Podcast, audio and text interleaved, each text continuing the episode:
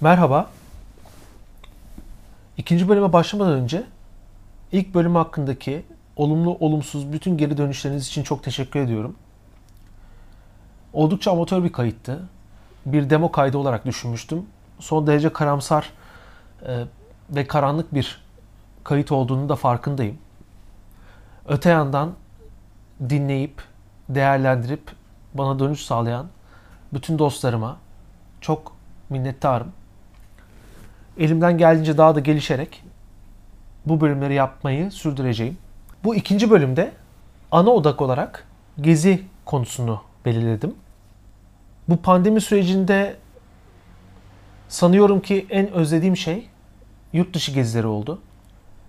Kendi kendine vakit geçirmeyi çok seven bir insan olarak bu 3 aylık süreç boyunca pek zorlandığımı söyleyemem ama yaptığım bazı planlar hem kısa vadeli hem uzun vadeli gezi planlarının bozulması beni tabii ki çok rahatsız etti.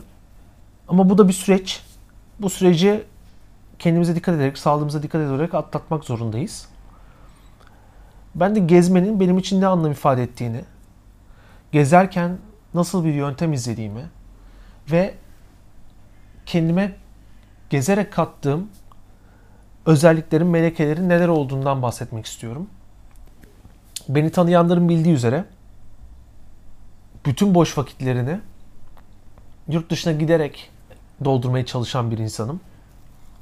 Genellikle kısa süreli yurt dışı seyahatleriyle görebildiğim kadar yeni kültürü tanıma, tanımayı amaçlıyorum. Hayattaki en büyük felsefelerimden, zevklerimden bir tanesi bu. Ve bu gezme eylemi hepinizin malumu olacağı üzere bir maddi yük gerektiriyor. Öte yandan ben bu maddi harcamaları kendime kattığım manevi kazançlar olarak görüyorum. Bundan dolayı da şartlar ne olursa olsun bu hobimden vazgeçmiyorum. Benim gezme üzerindeki motivasyonum tamamen yeni kültüre tanımak üzerine kurulu.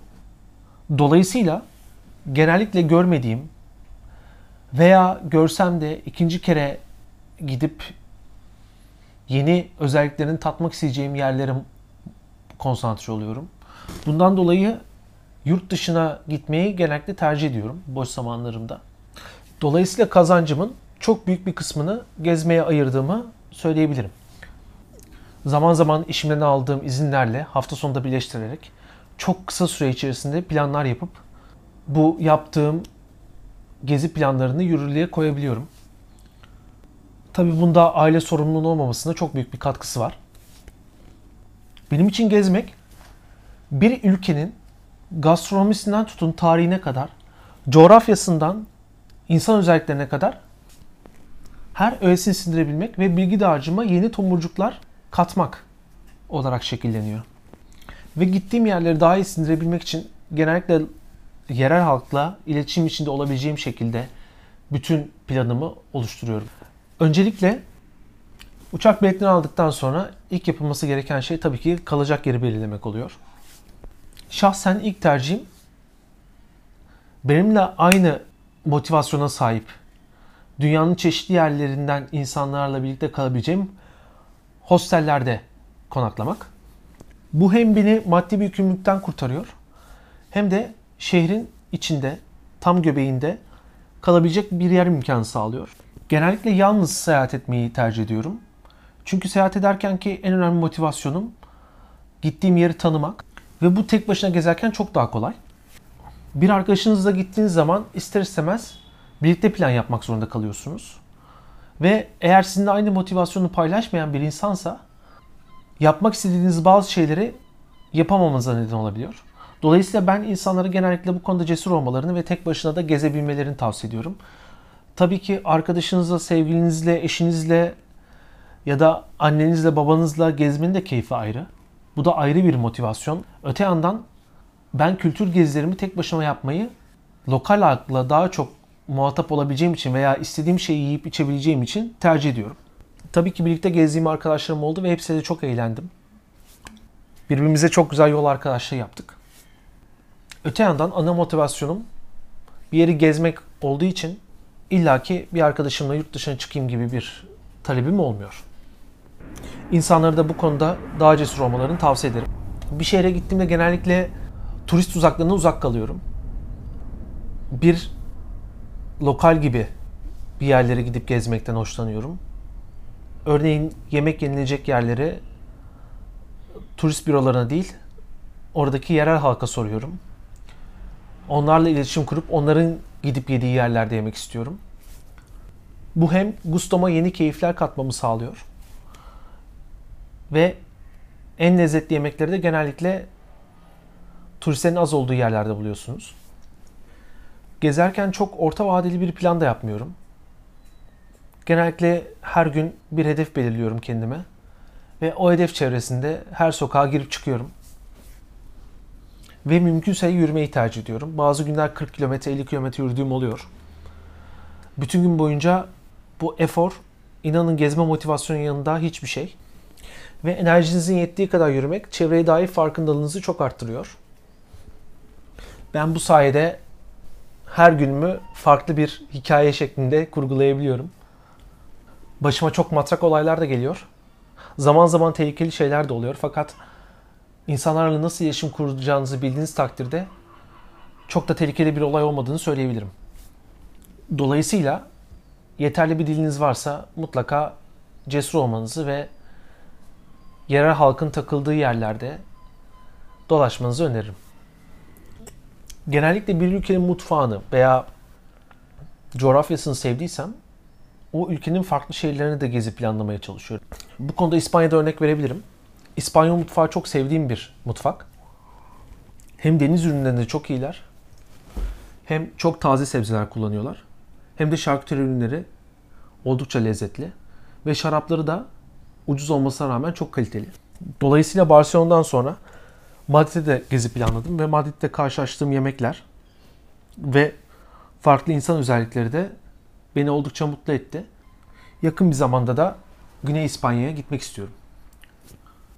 Ülkeler içinde farklı yerlere gittiğiniz zaman bir ülkenin içine dahi, bir devletin içine dahi çok farklı yerlerdeki insanların nasıl farklı tepkiler verdiklerini veya yaşayış şekillerindeki değişiklikleri çok rahat bir şekilde görmeye başlıyorsunuz. Örneğin Almanya'nın kuzeyi ile güneyi birbirinden hem coğrafya olarak çok farklı hem insan özellikleri de değişik. Berlin ise bambaşka bir dünya. Ki muhtemelen benim Avrupa'da en sevdiğim şehir Berlin. Hem eğlenceli, hem çok yeşil, hem çok büyük bir şehir olmasına rağmen rahat ve özgür insanlardan oluşuyor. Öte yandan Almanya'da sadece Berlin'e gitseydim bütün Almanya'nın benzer olduğunu düşünürdüm. Fakat durum böyle değil. İşin maddiyat kısmı ise bambaşka bir mesele. Yıllar geçtikçe alabileceğimiz en değerli şeylerin deneyimler olduğunu gördüm. Ve bu deneyimleri elde etmenin de en iyi yollarından bir tanesi farklı yerleri görmek. Dolayısıyla her geçen sene maddi kazancımın büyük bir bölümünü gezmeye ayırıyorum. Bunu nasıl yapıyorum? Gezerken bütçemi nasıl denkleştiriyorum? İstanbul içinde yaptığım aktiviteleri sınırlayarak. İstanbul'da çok sık dışarı çıkmıyorum. Arkadaşlarımla tabii ki görüşüyorum fakat İstanbul içinde harcadığım paranın bir sınırı var. Buradan artırdıklarımı gezi bütçeme ekliyorum. Hem İstanbul'da gerçekten gidilebilecek çok güzel barlar veya gece kulüpleri kalmadı. Restoranlar da 3 aşağı 5 yukarı birbirine çok benziyor. Dolayısıyla burada yeni deneyimler elde edemeyeceğimi düşünüyorum. Genellikle ev ortamında veya arkadaşlarımla açık havada vakit geçirmeyi daha çok tercih ediyorum. Evli bir insan olmadığım için de ailevi sorumluluklarım yok. Kazancımın bir kısmını çocuğuma veya evime harcaman gerekmiyor. Evli insanlar için gezmek tabii ki çok daha zor. Hem birlikte plan yapmanız lazım hem evdeki sorumluluklarınızı unutmamanız ve ailenize de ciddi bir bütçe ayırmanız lazım. Buradaki maddi teraziyi ben gezilerime ayırmayı tercih ediyorum. Gezdiğiniz yeri tam anlamıyla sindirebilmek için farklı deneyimlere açık bir insan olmanız gerekiyor. Örneğin gastronomi. Çok farklı lezzetlere açık bir damağınız varsa çok enteresan şeylerle karşılaşabiliyorsunuz. Ve beni de en çok mutlu eden şeylerden bir tanesi farklı yemekleri tatmak. Bence yemek mevzusu kültürler hakkında çok fazla bilgi veren bir şey. Ve başka insanlarla iletişim kurarken açık olmak.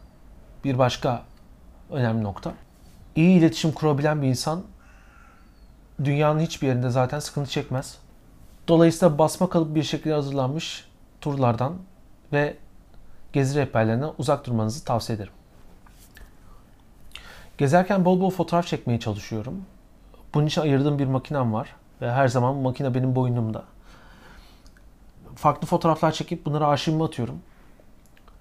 Buradaki temel amaç hem bana gezdiğim yerleri hatırlatması hem gördüğüm enteresan objeleri veya mimarileri veya coğrafyaları arşivleyebilmek. İleride bunları bir kitap haline getirebilirim.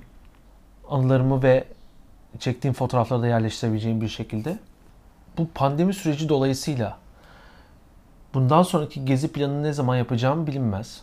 Öte yandan tekrar farklı yerlere gideceğim günü sabırsızlıkla bekliyorum.